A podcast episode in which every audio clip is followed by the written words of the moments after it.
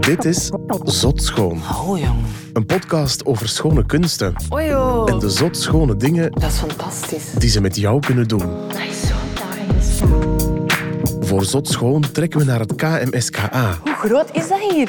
het Koninklijk Museum voor Schone Kunsten Antwerpen. Wauw. Dat is in september 2022 terug open. Dat is ongelooflijk. Na een renovatie die meer dan 10 jaar duurde. Respect.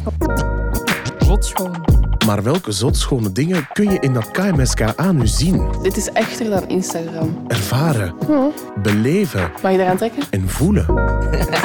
Dat zoekt Zot Schoon uit. Als ik dit zie, dan denk ik, ik zou dit los boven mijn bed hangen. In deze aflevering hoor je Dorian, Ik ben Dorian Ausums. Eh, ik uh, terug opnieuw. Ik ben Dorian Ausums. Ik kan mij kennen van het jongerenprogramma Generation M op M&M. Ik ben hier vandaag met een speciale opdracht, vooral omdat het mij persoonlijk wel een beetje aanbelangt. Um, ik ben op zoek naar werken binnen het thema gender, hoe daar vroeger mee werd omgegaan, hoe vrouwen werden afgebeeld. Was dat anders dan vandaag? Ik wil vooral van alles zien, want hoe meer mix, hoe beter. Beter, beter, beter. Beter. Hoe meer mix. In het KMSKA hangen en staan zeven eeuwen aan schone kunsten. Oh, dit is zo spannend. De collectie telt vele duizenden werken. Fantastisch. Landschappen, stillevens Oh, en mensen. Heel veel mensen. ik vind dit al heel mooi. Hè? Van elk gender. Het maakt eigenlijk allemaal niet uit. Dat is meteen ook het thema van deze aflevering. Zo fijn. Kan kunst ons iets over gender vertellen en hoe we daar naar kijken? Dat wil Dorian graag weten. En daarvoor krijgt ze de hulp Hallo, hallo. van Bart. Dag Bart. Dag Dorian. Ja. Bart werkt voor het KMSKA Ik vind het onwaarschijnlijk spannend om u te ontmoeten eigenlijk. en hij is blind. Ik heb dat nog nooit gedaan, zo in een museum naar een stoel gaan waar iemand op mij zit te wachten. Omdat Bart de kunstwerken in het KMSKA niet kan zien, vraagt hij bezoekers om ze aan hem te beschrijven. Jullie zijn eigenlijk mijn ogen. Zo wil hij ze anders laten kijken en meer laten zien. Ik laat mensen aandachtiger kijken en daardoor gaan ze een aantal zaken ontdekken die hen anders zouden ontgaan. Wat eigenlijk wel fijn is, want als ik voor een werk sta, dan beleef ik dat allemaal binnenin. En dan komt daar denk ik minder uit dan als ik een persoon voor mij heb die daar iets van kent en ik het moet benoemen. Dan denk ik dat je automatisch meer details ziet in de werken. Klopt dat? Juist. Vertel me eens even, waar ben je eigenlijk vooral benieuwd naar? Wel, ik ben vooral benieuwd naar hoe ze vroeger eh, omgingen met gender en hoe ze daar naar keken. Ja. En of vrouwen een beetje voldoende vertegenwoordigd werden en zo ja, in welke vorm. Eh, heel veel vragen eigenlijk, Bart. Wel, ik ken de persoon die al jouw vragen kan beantwoorden. Hallo. Hallo, Aangenaam. Ik ben Dorian. Hi. ik ben Nathalie. Nathalie, aangenaam. Bart heeft u uitgenodigd. Dat moet om een eh, zeer goede reden zijn. Wel, ik denk dat Bart een beetje weet dat eh, gender dat dat wel een thema is dat mij nauw aan het hart ligt. Eh, Jij werkt hier ook. ja, ik werk hier ook, Oké. sinds 2013.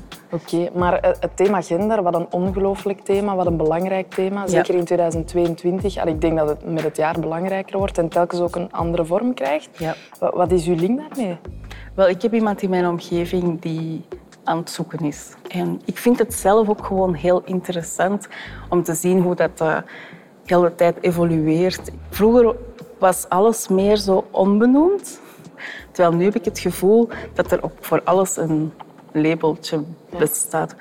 Als ik opgroeide, bestond dat helemaal niet. En mensen waren gewoon zichzelf op een bepaalde manier. Of net niet, omdat ze Ja. de term niet hadden. Ja, En daardoor het gangbare kozen. Dat is een een moeilijk iets, ja, hè? Het is, het is heel moeilijk en ik denk ook niet dat er überhaupt een pasklaar antwoord voor bestaat. En ik denk ook niet dat dat hoeft.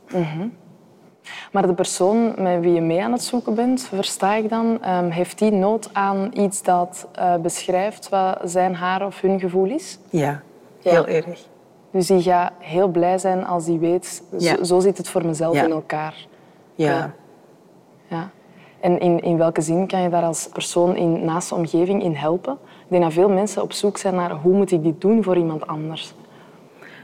Ik kan er alleen zijn, omdat ik kan niet voor die persoon beslissen welke richting dat die uit moet. Dat is een, een heel persoonlijk parcours, maar ik denk er gewoon zijn, erover praten. Maar steun? Ja, steun. Er zijn. Steun, ja. Ja. Maar het is altijd een persoonlijk parcours. Hè. Ik ga niet voor iemand anders beslissen welk parcours dat hij moet volgen. Maar je bent wel van levensbelang, denk ik. Tja, kun je maar proberen. Hè. Dat is waar. Dat is waar. Maar proberen. Proberen, proberen. Zullen we eraan beginnen? Super graag. Het eerste beeld staat hier in de hoek en dat is meteen een gay icon. De heilige Sebastiaan in al zijn glorie. In al zijn glorie, ik zie het. We nog een doekje ervoor gebonden. Ik zie een groot beeld op een blok, waardoor het nog groter lijkt, van een man die eigenlijk aan het lijden is. Ehm, een man met een snor met weelderig haar en vooral met eh, pijnlijke pijlen in zijn lijf. Maar ik vind dat in zijn lijden dat hij toch een soort van eergevoel hoog houdt of zo. Ik heb het gevoel dat hij ten strijde is getrokken voor iemand. Ehm, maar ik ben vooral benieuwd wie dit precies is. Dat is eigenlijk een Romeinse soldaat die het toch gemaakt heeft tot de Pretoriaanse wacht, wat dus zo het elitekorps was van de keizer zelf. Die stond heel dicht bij de keizer. Maar uiteindelijk trok het, het geloof, het christelijke geloof, toch iets harder. En hij is dat gaan verdedigen. En dat is hem niet in dank afgenomen. En ja, pech hè? Hij was diehard christen. En hij Ja. zou er alles voor gedaan hebben en dat Ja. heeft hij ook gedaan. Dat heeft hij gedaan. Hij is hier geëxecuteerd door zijn buddies. Dus ook door soldaten, neergeschoten met pijlen. Maar daardoor is hij niet gestorven, want de heilige Irene heeft hem gered en verzorgd.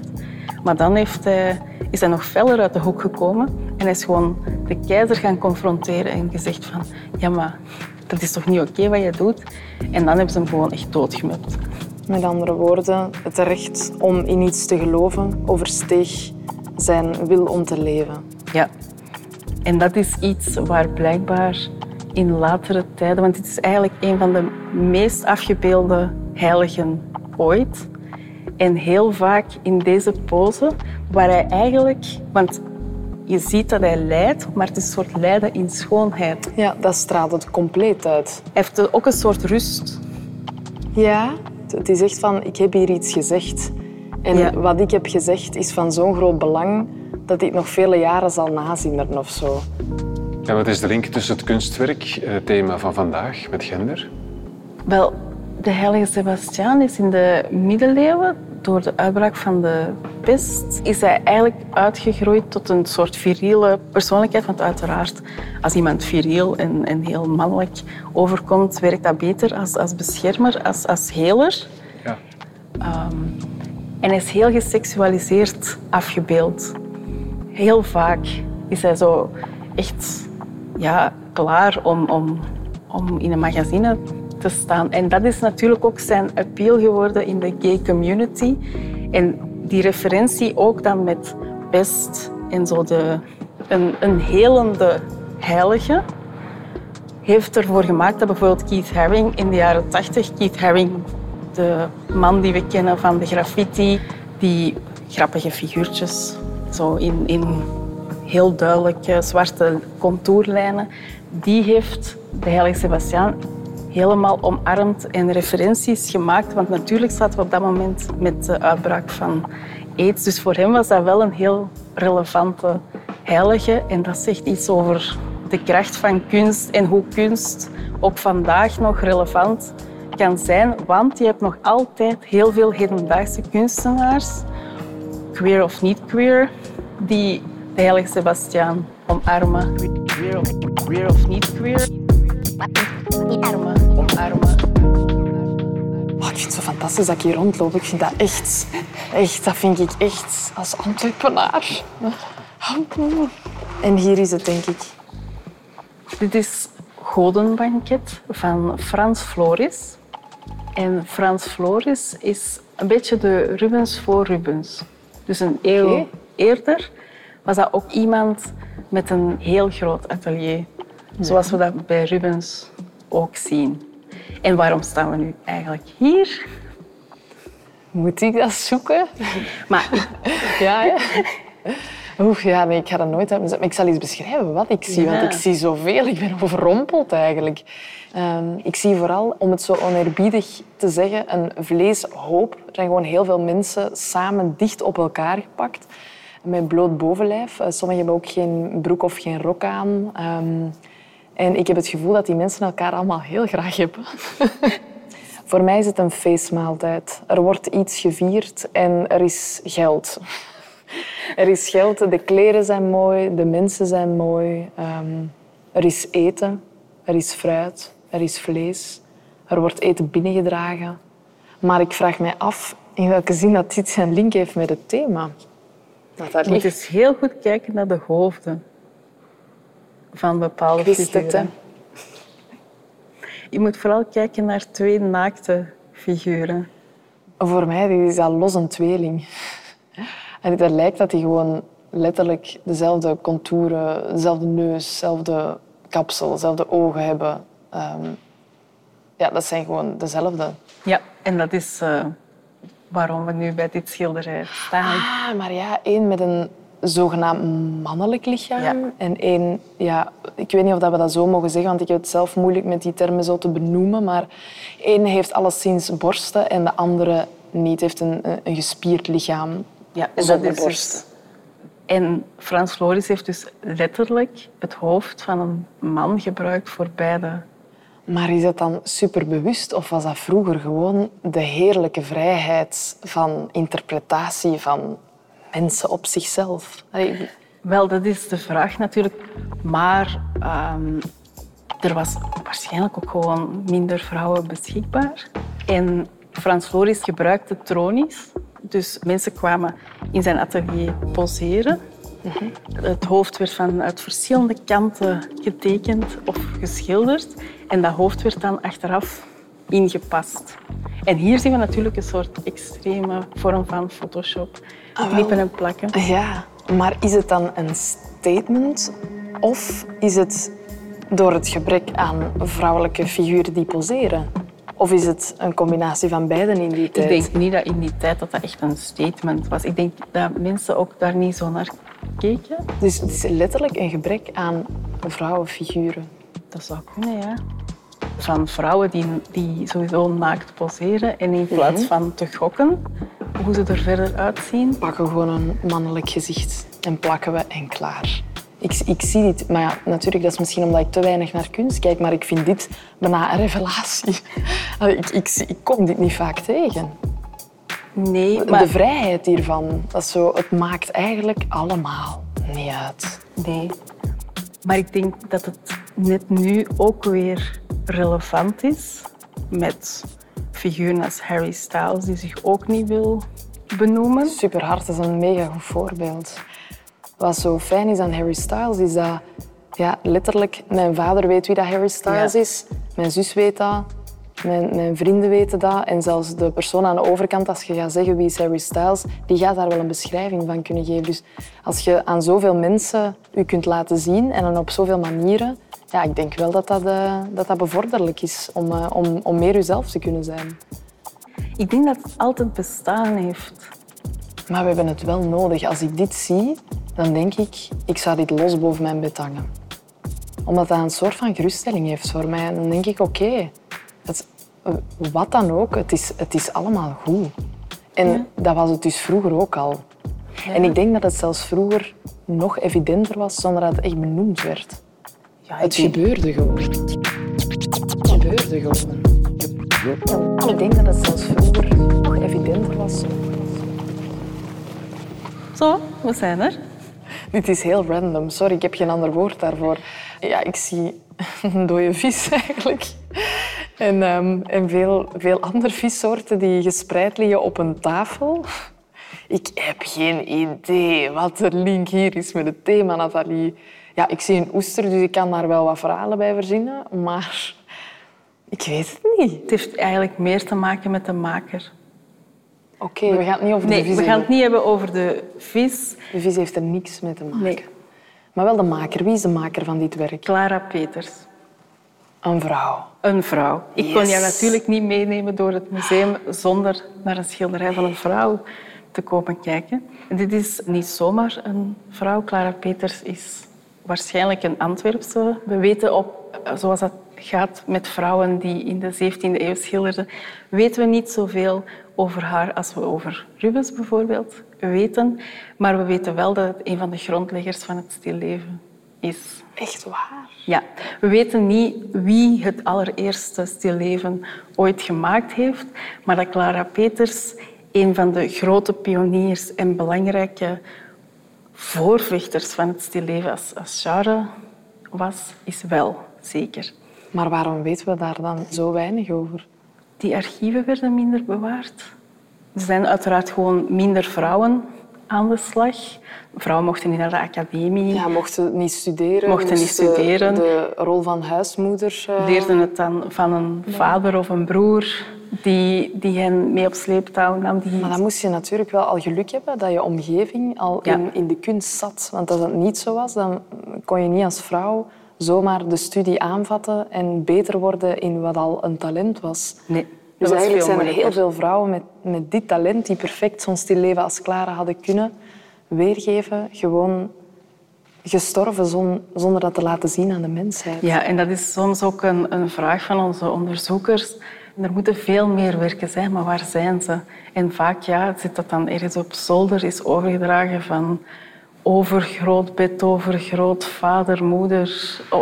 Oh, maar dan de link is kwijtgeraakt en als er dan de zolder wordt leeggehaald, wordt dat gewoon een kringloopwinkel meegegeven of, of misschien zelfs gewoon weggegooid. Verschrikkelijk. Maar dan vraag ik mij af, is het een van de weinige werken van vrouwen hier in de heropening van het museum? Helaas wel, maar dat proberen we te veranderen. Door heel bewust bruiklenen uit privéverzamelingen toe te voegen aan de collectie. En ook hopelijk in de toekomst ook meer tentoonstellingen te maken opgebouwd rond vrouwelijke kunstenaars. En dat is ook jullie plan om daar de nadruk op te leggen, hoop ik. Want Ja. als ik voor dit werk sta, de vis leidt mij af. Waardoor ik de kleine letters, ondergetekend Clara P, Ja. niet had gezien. En voor mij vind ik dit nu wel meer dan belangrijke info. Dat het Ja. stilleven van een vrouw is. Zij deed dat heel bewust, dus zij was bekend. ehm, er zijn ongeveer 39 gesigneerde werken van haar bekend, dus ze speelde echt wel met haar naam. En bevo- zij schreef bijvoorbeeld ook haar naam, niet alleen Clara P., maar ook echt Clara Peters voluit, op een mesheft. En ehm, wat zij ook nog deed, was kleine zelfportretjes toevoegen. Er is bijvoorbeeld een ander werk van haar met een metalen kan met allemaal facetten, waar zij dus op verschillende plekken in die facetten zichzelf heeft afgebeeld. Dus dat staat er meer dan één keer op. Ja, ik ben blij dat ik ze heb leren kennen. Ik ben blij dat ik ze aan jou mocht introduceren. Onze museumtuin is trouwens naar Clara Peters genoemd, het Clara Petersplein. Klinkt ook gewoon heel goed, hè? Ja, men wilde een aantal straten en pleinen ook naar vrouwen noemen en dat mag wel, vind ik. Ja, en zeker bij de heropening en daar dan zo'n prachtig plein bij. Vrouwen, boven. Vrouwen, boven. Dit was Zot Schoon met Dorian Ausums. Een link naar alle kunstwerken waarover het in deze aflevering ging, vind je in de show notes. Luister zeker ook de afleveringen met Flo Winde, Oh my god. Gloria Monseré, Ja, echt mooi. Ella Leijers Maar mannen, en Eritier Tipo. dat is wel heel nice. En nog een tip. Bart, die je in deze podcast hoorde, is ook de host van Radio Bart. Hij nodigt bezoekers uit in zijn mobiele studio in het museum om in gesprek te gaan over kunst. Zo wil hij ze anders laten kijken en meer laten zien. Je vindt alle info op www.kmska.be.